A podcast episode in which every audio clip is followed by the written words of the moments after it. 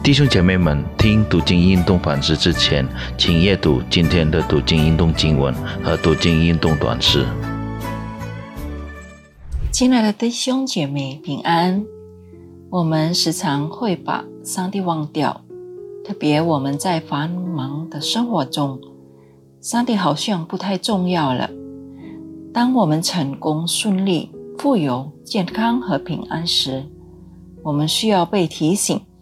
这一切都是从上帝而来的，这一切都是上帝赐下给我们的恩典。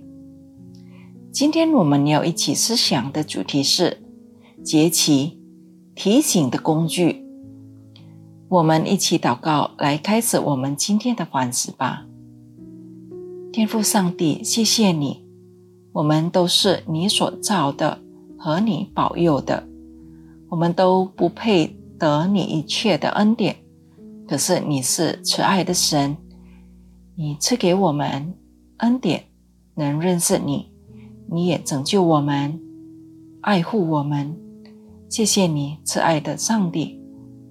这时候，我们要一起思想你的话语，求神与我们说话，使我们被你的话语激励，变成更新的心灵。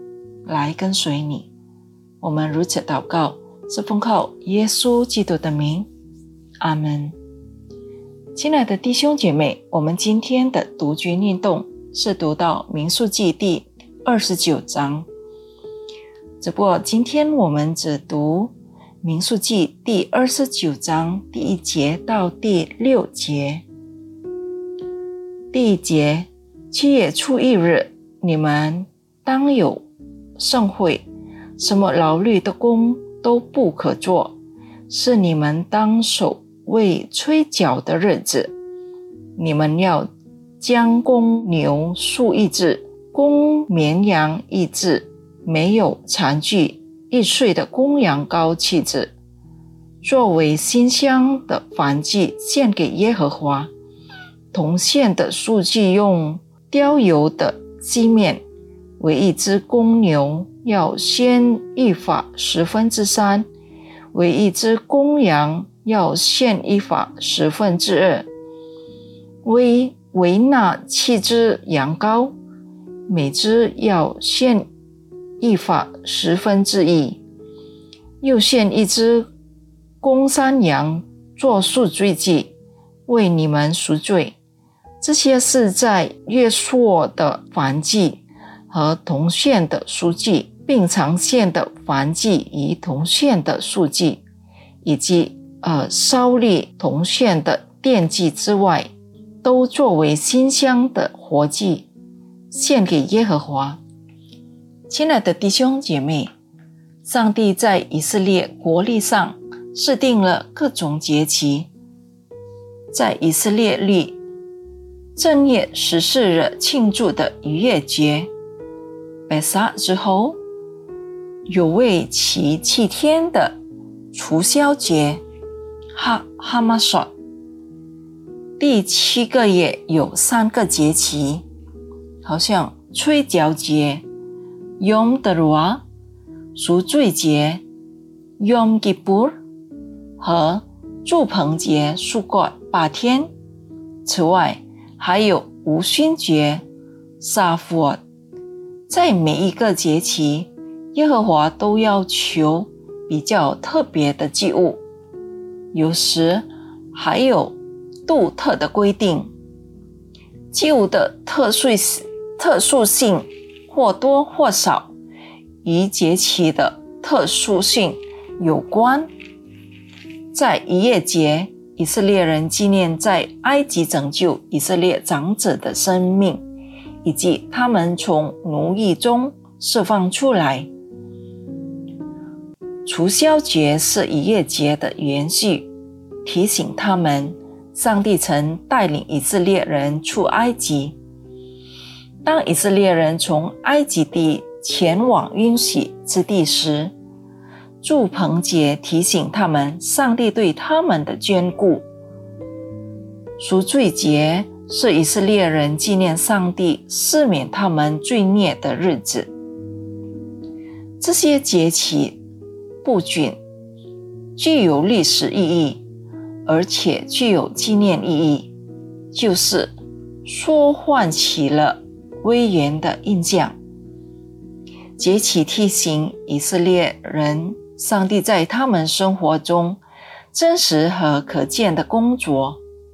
以色列人被要求不仅要记住历史，还要理解和连接他们信仰之旅中的重要事件，这样他们就时刻纪念、记得自己是上帝子民的身份。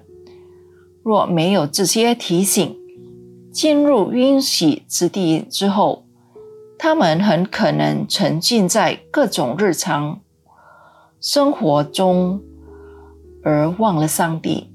尤其当他们的生活变得成功、繁荣和舒适之后，很可能达到成就之后，他们觉得自己不再需要上帝了。因此，上帝不希望他们忘恩负义。而能够饮水思源，在庆祝教会日历的节日时，我们自然会停止日常作息和工作，聚聚和专注于敬拜。除了提提神醒脑和恢复身体状况外，在敬拜时。我们通过纪念上帝是谁和我们是谁，来更新我们对上帝的承诺。亲爱的弟兄姐妹，你有没有例行的抽出时间来团聚、来敬拜，还来纪念上帝在你生活中的作为呢？来，我们一起做个结束祷告。天父上帝，感谢你今天借着你的话语，你提醒我们要时常纪念你在我们生活上的作为，不把你忘掉。我们应当敬拜你、称谢你、赞美你，把一切荣耀和尊贵都献给你。让我们今天从你的话语学习，像以色列人。要献给你，你配得接受的。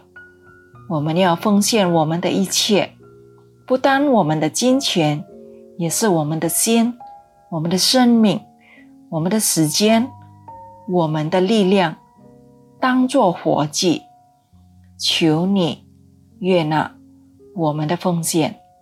我们这样祷告，是奉靠主耶稣基督的名。